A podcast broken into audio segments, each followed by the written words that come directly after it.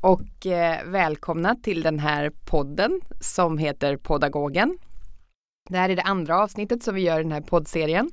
Och vi som gör den här podden är Sofia Lundmark och Janne Kontio. Och vi gör den här podden som eh, ett sätt att sprida färska forskningsresultat i ämnet pedagogik eller närliggande forskningsområden som kan vara relevant till pedagoger. Målet med den här podden är att eh, det ska utgöra en brygga mellan akademi och pedagogerna ute i landet. Och vi kommer att intervjua olika forskare som har skrivit akademiska avhandlingar i ett ämne som vi tycker att eh, pedagoger behöver få lite eh, mer kunskap om och som vi vill sätta ljuset på. Det här området just med akademiska avhandlingar och se vad som är aktuellt och aktuell forskning, det är någonting som vi tror att många skulle behöva veta lite mer om. Ja, och jag tänker också att den här serien har ambitioner att eh, försöka få in så bred, eller någon slags bredd i det här med forskningen också. Att det kan handla om, eh, som första avsnittet förra gången vi spelade in, som handlade om väldigt små barn som skulle vila på förskolan, till att handla om eh, alla möjliga olika pedagogiska verksamheter som finns. Ehm, så vi har en ambition här att försöka täcka in så många forskningsområden som möjligt som har med pedagogik att göra.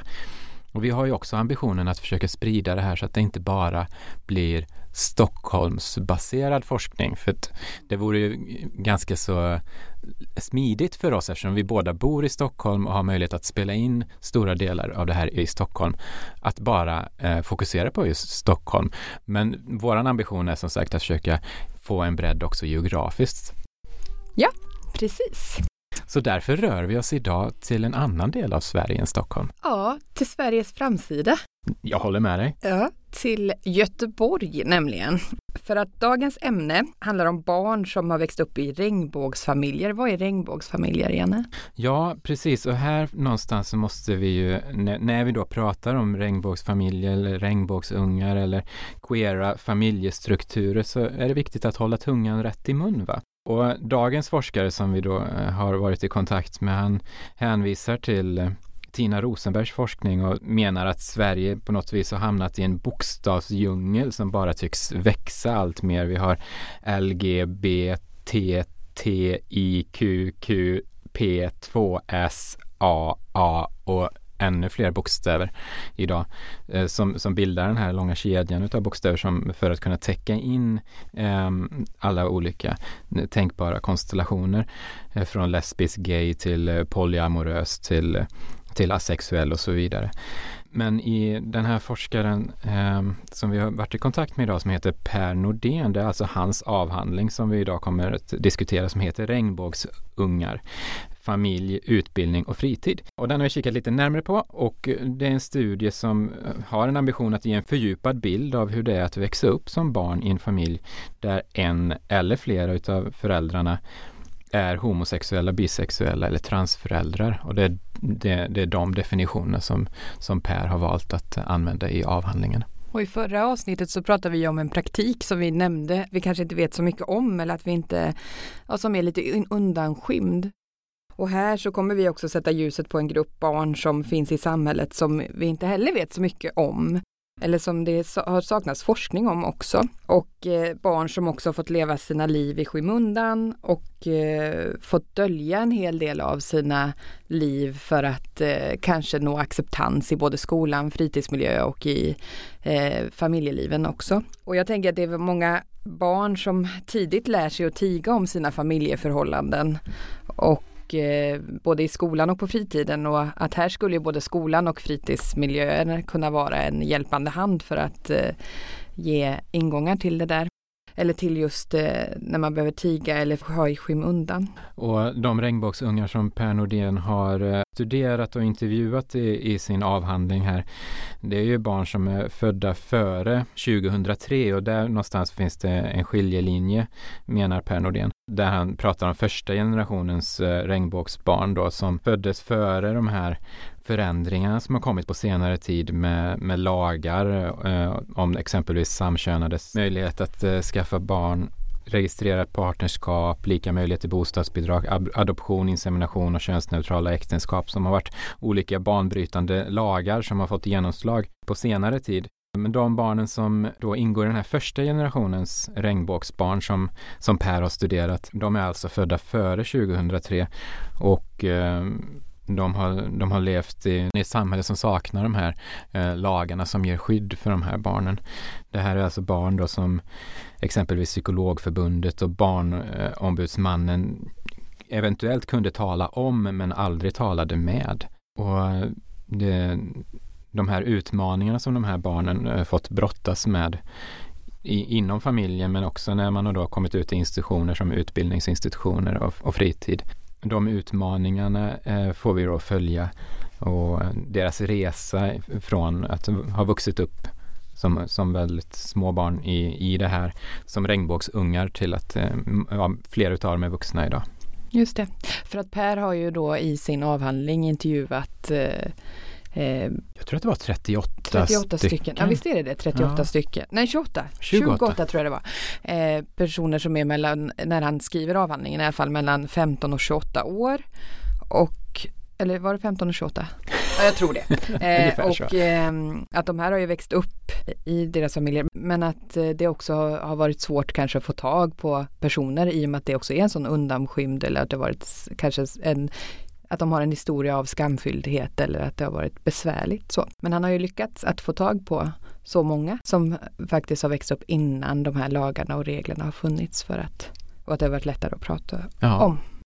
Och Per pratar ju också om det här med svårigheten att få tag på informanter som ville ställa upp på intervjuer och att det, handlade också till stor del om att Eh, de här regnbågsungar i tidigare studier ofta inte fått föra sin egen talan eller har framställts som eh, objekt som man kan prata om istället ja. för att prata med. Så därför fanns det stort eh, motstånd att liksom vilja ställa upp på intervjuer. Men Per har lyckats att få ja. tag på många informanter. Det tycker jag vi ska höra mer med Per också sen. Jag tänker också att de här barnen som Per pratar med, eller de här unga vuxna som Per pratar med också, att de har ju i många sammanhang och många frågor som rör dem, många antaganden har ju säkert varit utifrån det här mamma-pappa-normen eller den mm. heteronormativa kring familjesituationen och att det måste finnas ett stort dilemma i att aldrig se sin egen familjekonstellation avbildad. Jag tänker idag så kan det finnas fler exempel på att på förskola till exempel, som ju är den första institutionella sammanhanget som många hamnar i, att där man kanske jobbar med det här med att avbilda olika typer av familjekonstellationer. Vi har mycket litteratur. Det finns sätt till exempel på ett av mina barns eh, förskola så hade de en rävfamilj som de alltid hade med sig i, skogen när de var ute i skogen och eh, då hade de med sig en rävfamilj som var små gosedjur som eh, då var två mammor och två barn. Och, och det här tycker jag är ett väldigt enkelt sätt men att ändå att det är så viktigt att också få sin egen familjekonstellation avbildad. Och representerad. Och representerad. Ja.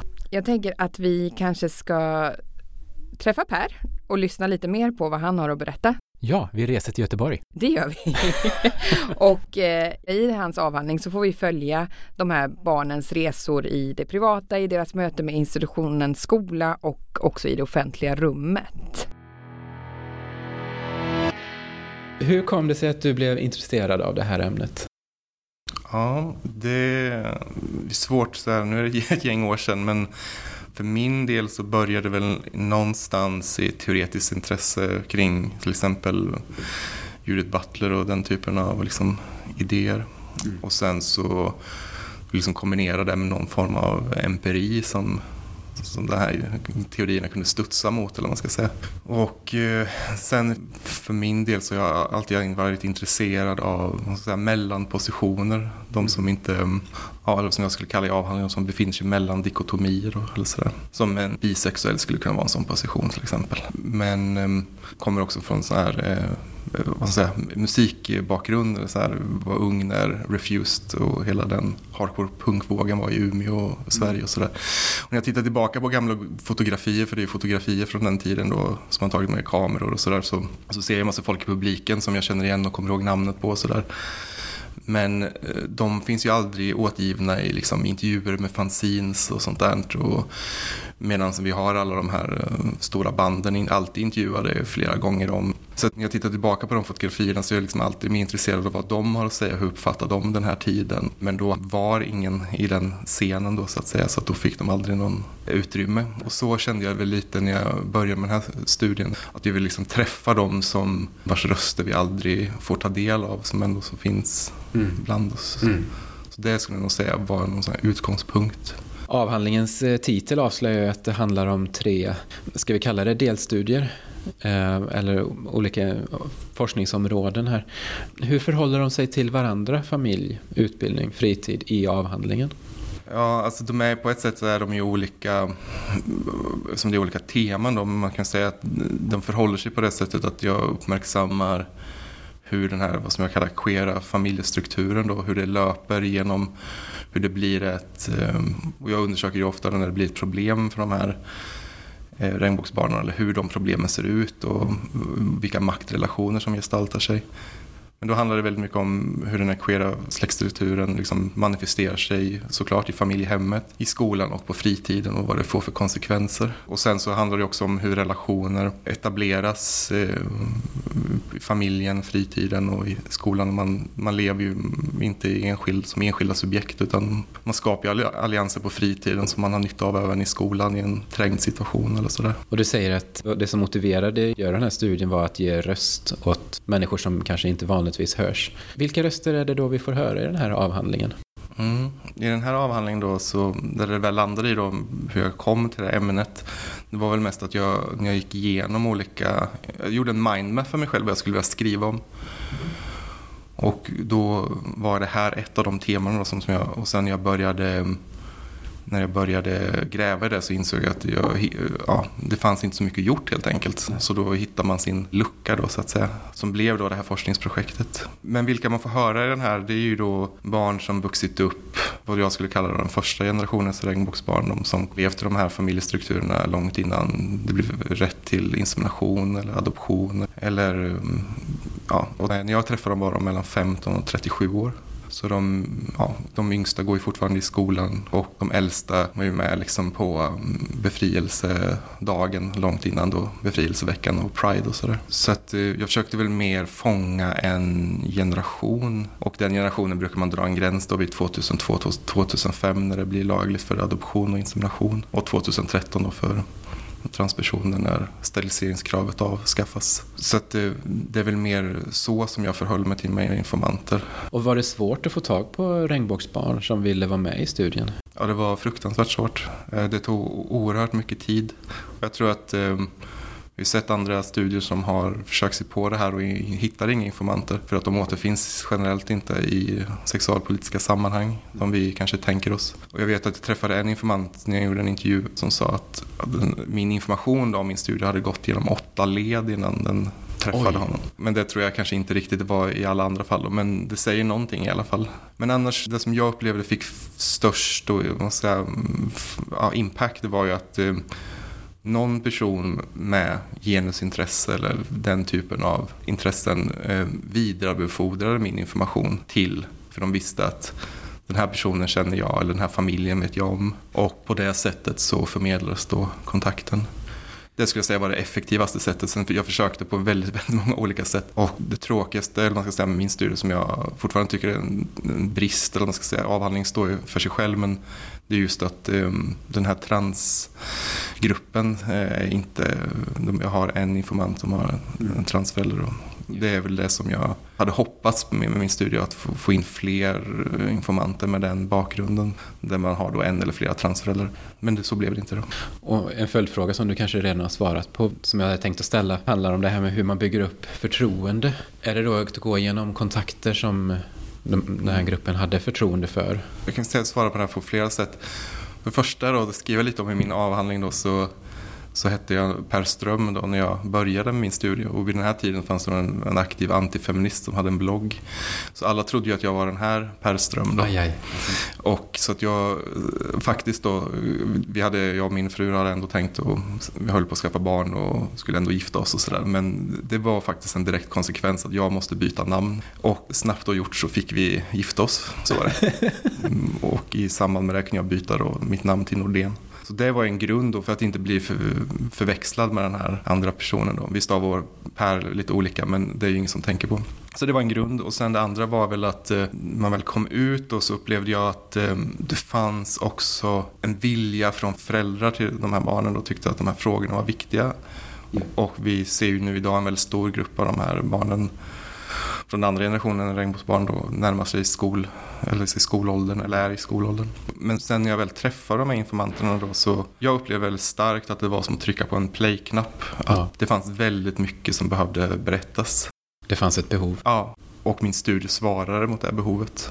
Så jag tänker till exempel på en informant som jag träffade som hon hade, hon hade berättat om sin, sina två mammor då för sin bästa kompis, sin första kille och sen mig då. Wow. Ja.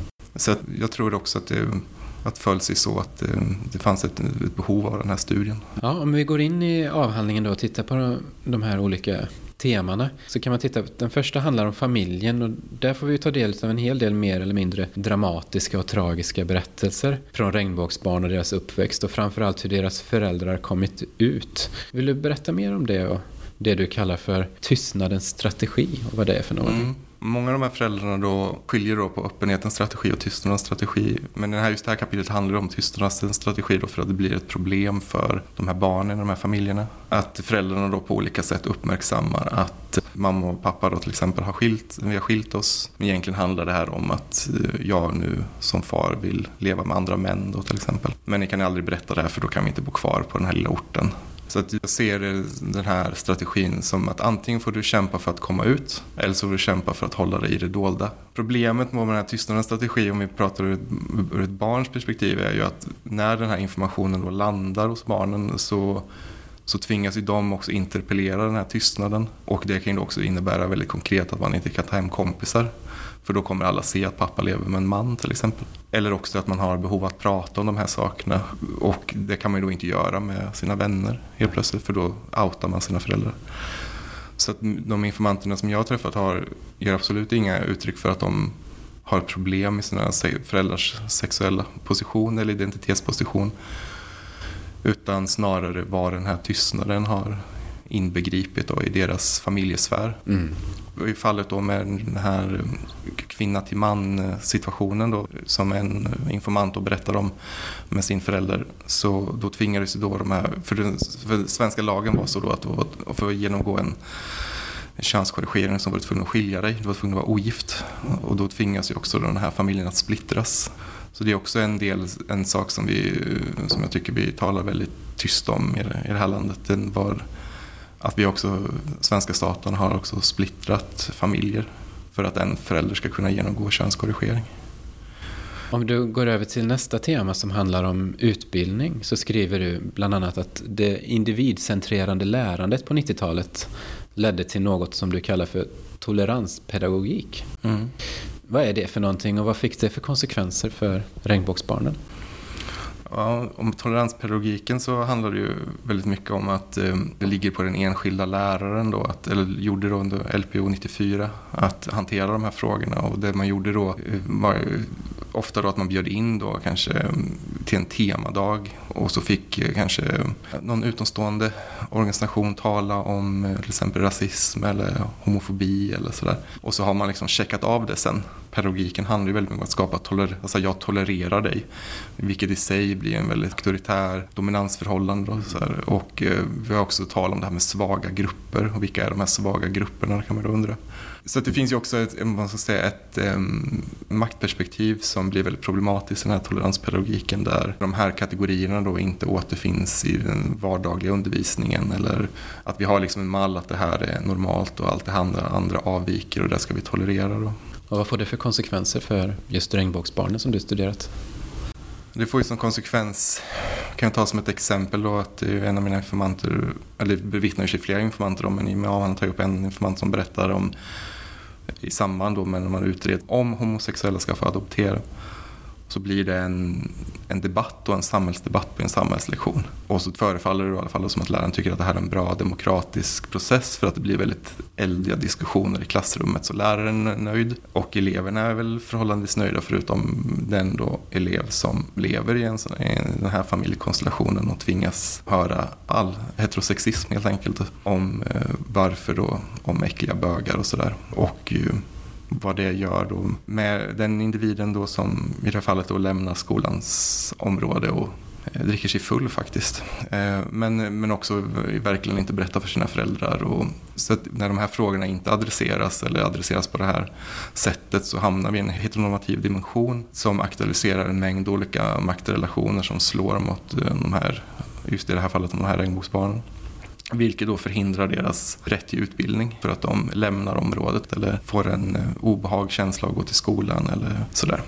Vad kan, och det här kanske är helt uppenbart, men vad kan i dina ögon pedagoger ha för glädje av att läsa din bok? Finns det några verktyg att använda i sin vardag? Eller? Det handlar väldigt mycket om information. Att eh, vara medveten om att eh, alla familjer ser inte likadana ut. Hur de här familjestrukturerna ser ut. Och att, eh, att alla lever inte med en mamma och pappa till exempel. Och hur pratar man om familj i skolan utan exkludering. Så det handlar ju liksom dels också bara rent informations fråga och vad som händer om man inte tar de här frågorna på allvar. Eller man ska säga. Så det är också en medvetenhet kring sin undervisning. Då. Men annars så handlar det väl också om att, eh, att eh, vad ska man säga? Det finns inga didaktiska verktyg i min avhandling på det sättet. Men jag tror att den stora behållningen är informanternas berättelser. Och det tycker jag också är en stark och stor behållning i din avhandling. Och en, en annan stor förtjänst är ditt väldigt tillgängliga språk. Det, det, går lätt att läsa just den här avhandlingen. Men om jag som pedagog är lite ovan vid att läsa just avhandlingar, finns det någon särskild del av din avhandling som du tycker att man kan börja med? Jag skulle nog ändå säga att man kan förbehållslöst läsa, jag har ganska stora blockcitat i min avhandling som man följer då enskilda cases, enskilda erfarenheter. Så om inte annat så kan man eh, läsa bara eh, då blir det mer en journalistisk produkt men att man läser det, alltså empirin då. Sen kan man ju alltid läsa slutdiskussionen då till exempel. Om man inte vill sig in på djupare teoretisk vatten eller om diskursanalys och sådär. Mm. Vilket jag rekommenderar alla att göra. Var det någonting i arbetet med den här avhandlingen som förvånade dig? Det var jättemånga saker som förvånade mig. För det första är jag förvånad att, att, att det är jag som skriver den här avhandlingen. Att den inte liksom är skriven innan. Att det tog så lång tid. Eh, och det är klart att det har alltid funnits enskilda artiklar. Det är alltid någon som har gjort någonting innan. Man är aldrig först på någonting. Det är inte det jag menar. Utan just den här omfattningen med just de här regnbågsbarnen i centrum just som avhandling då. Eh, sen dyker de upp i SOUer och lite sådär också. Då. Men jag också in, var också förvånad över att träffa på barn då som eh, vuxit upp med, eh, i tresamhet, alltså om har haft föräldrar som levt i tresamhet. Jag var också förvånad över alla starka berättelser som återkommer i avhandling då. Och att ehm, men också på något sätt att det är så genomgående. Liksom från familj till skola till fritid. Sen är det inte alla som upplever problem i alla de här områdena. Men de upplever oftast problem med något av dem. Och det är väl eh, också det jag försöker visa, hur de problemen gestaltar sig. Och vilken uppmärksamhet har din avhandling fått nu efter att den har funnits i tryck ett tag? Ja, jag har blivit inbjuden då och då till olika sammanhang att prata om min avhandling. Också då i lärarprogrammet ger jag ju också då föreläsningar för min avhandling. Jag tycker det allmänt är svårt att man släpper ifrån sig en pappersprodukt som också ligger online på nätet då att läsa. Det är också väldigt svårt att veta vart de här tar vägen i olika sammanhang. Jag har också upptäckt att, att andra då har använt den i undervisningen på andra högskolor. Så att det, eh, det har varit lite blandat både medialt och som bloggar eller den här typen av podcast eller RFSL radio eller mm. den typen. Så det är också ett intresse då, sexualpolitiska sammanhang till. Men annars skulle jag säga att starkaste som jag upplever då intresset har kanske kommit då från utbildningsvetenskapliga sammanhang. Och vad gör forskaren Per Nordén idag? Ja, jag undervisar mest om det säga. Men jag eh, och en kollega som heter Angelika Simonsson hjälper Göteborgs stad med deras hbtq-plan. Jag håller också på jag vill inte prata för mycket om det än, men det är ett projekt som handlar om trans och skola, så kan man väl säga. Och sen så är det också mycket material som inte kom med i avhandlingen som jag gärna skulle vilja skriva artiklar av eller så också. Ja, men stort tack för att eh, vi fick komma hit och intervjua dig. Ja. Eh, jätteroligt att du ville vara med. Ja, kul. Tack så mycket. Tack! Det här var ju jätteintressant precis som förra gången så blir det så väldigt roligt att höra just när eh, avhandlingsförfattarna berättar om sina avhandlingar. För man får ju en helt annan inblick i, i forskningen och det blir ju så relevant, tänker jag. Ja. För oss eller hur man kan tänka kring det. Verkligen. Och eh, jag, jag känner att det här är en väldigt viktig avhandling. För att vi får följa de här barnen och deras resor och deras stora motgångar som de har fått möta i uppväxten genom uppväxten i familjen, senare vidare in i utbildningen och på fritiden. Och några exempel bara som jag, som jag fastnar för som, som liksom brann till lite mer i mm. hjärtat hos mig när jag läste. Det handlar exempelvis om den här informanten som växer upp på liten ort eh, där en av föräldrarna då kommer ut men tvingar barnet att hålla det hemligt. Ja. För om vi pratar om det här med någon så tvingas jag flytta härifrån. Det här lilla samhällets eh, dilemma då att alla känner alla och kommer det här ut så kan inte jag leva kvar här. Mm. Jag tänker att både du och jag kommer ju från den typen av situationer också i och med att vi båda två kommer från landsbygden. Ja, just det. Och där vi, där jag tycker att det är väldigt hög igenkänning på det här. Ja. Att man ändå kan se att okej, okay, det här kan säkert ha hänt i många familjer i våran närhet. Men just att det är så, ja, att man tänker så kring just att det kommer att bli så att vi blir tvungna att flytta. Att det är så känsligt. Mm. På liten ort där det räcker att måla sin brevlåda lila för att alla andra har röda så kan en sån här sak få stora konsekvenser. Verkligen. Uh, ja men det kanske är just därför. Nu fick du vara min lilla psykolog där och hjälpa mig med att förstå varför det här bränner till. Så, men hjälp ja men det med... gör det, det bränner till. Jag tycker du håller med om det verkligen. Uh, uh, och eh, det finns fler exempel på det här. Det är en, en informant som säger att eh, jag slutade att prata om mina mammor i skolan efter lågstadiet så. I någon mån började jag hålla det lite hemligt eftersom jag var säker på att de förstod att det uppenbarligen inte riktigt var, ja, det var inte riktigt så här det skulle vara tydligen va. Och att små barn ska behöva bära de här hemligheterna, ja det, det är riktigt rörande. Ja. Eh, det, det är det. Hemskt. Och sen ett barn som lite äldre då på högstadiet får möta lärare då som bygger upp undervisning på att eleverna ska delas in i grupper och hålla debatter om olika normer på sexualkunskapslektionen eh, där eleven känner sig utsatt bara av att eh, de här så många elever i klassen uppvisar ett starkt hat mot eh, homosexuella och hon då har eh, föräldrar eller en förälder eller två eller fler som är homobi eller trans. Eh, och det leder till att eh, den här eleven då springer ut från skolan, springer hem och dricker en halv flaska gin och somnar. Ja. Ja. Ja, det är hemskt. Det är tungt att läsa, ja, ja, det tycker jag verkligen också.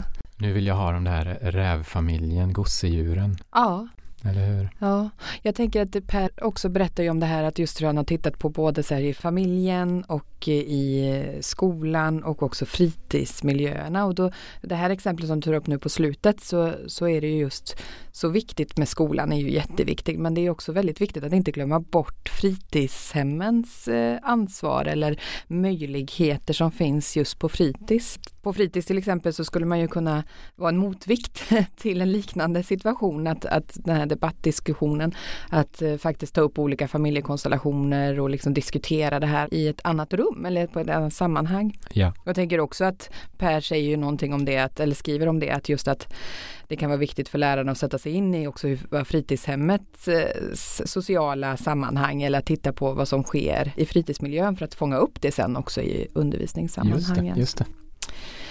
Eh, ja, vad jag vill skicka med, eller vad vi vill skicka med när vi har läst också det här och när vi har lyssnat på Per, det är ju att, att det kan vara väldigt viktigt som utbildare eller som lärare eller som arbetar i pedagogiska sammanhang att just fråga eller be rektorerna och skolledningen om utbildning i frågor som rör familjeforskning, som kan röra sexualitet eller könsöverskridande identiteter eller utbildning som rör de sju diskrimineringsgrunderna känns ja. också väldigt, väldigt viktigt och jag tänker att det vill vi pusha för. Verkligen. Att eh, det kan vara väldigt viktigt. Sen så tycker jag också att eh, Per tar ju upp det här med att gör vi inte något så blir det ingen förändring. Utan att faktiskt göra någonting så blir det bättre. Och det, det vill vi också skicka med utifrån våra läsningar, att utifrån de här historierna, som de exemplen som du tar upp, så är det så viktigt att göra någonting för att uppnå någon, någon form av förändring. Om det inte är utbildning eh, som man får från sina rektorer eller skolledning, så kanske faktiskt att ta upp rävfamiljen. Eller ja, att ta med sig någon, någonting. För att om vi vill att det ska gå framåt så måste vi också se till att det gör det. Just det, och jag kan föreställa mig att eh, man som pedagog kan känna att det här är ytterligare en uppgift, ja. eller det här är en väldigt svår uppgift att lösa. Men jag tror att den här avhandlingen, och, och vi, vi stämmer ju in i det, att bara genom att göra någonting så är det här små steg åt rätt håll. Ja, precis. Men att ställa krav på sin rektor att få lite mer utbildning, det är väl helt fantastiskt? Ja, nu, nu pushar vi nu för, pushar det här. för det här. Ja. ja, med det sagt så ska vi nog uh, försöka runda av lite här, Sofia. Ja, det låter bra. Och först och främst så vill vi tacka Per Nordén för att han har varit med och delat med sig av sin forskning ja, med oss. Stort tack, applåder. Tack.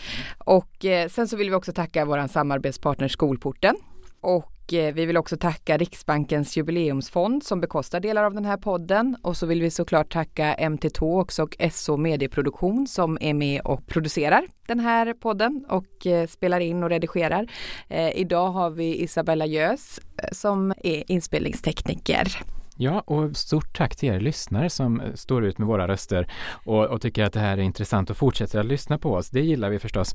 Vi gillar också att vi har fått så många tips på, eh, på bra avhandlingar och det blir våran utmaning då att försöka välja eh, vilka avhandlingar vi ska avhandla i kommande avsnitt. Men är det så att ni tycker att det finns någon avhandling där ute som behöver få lite mer ljus på sig så skicka gärna ett tips till oss. Vi belyser dem gärna i den här serien. Det är liksom vår grej.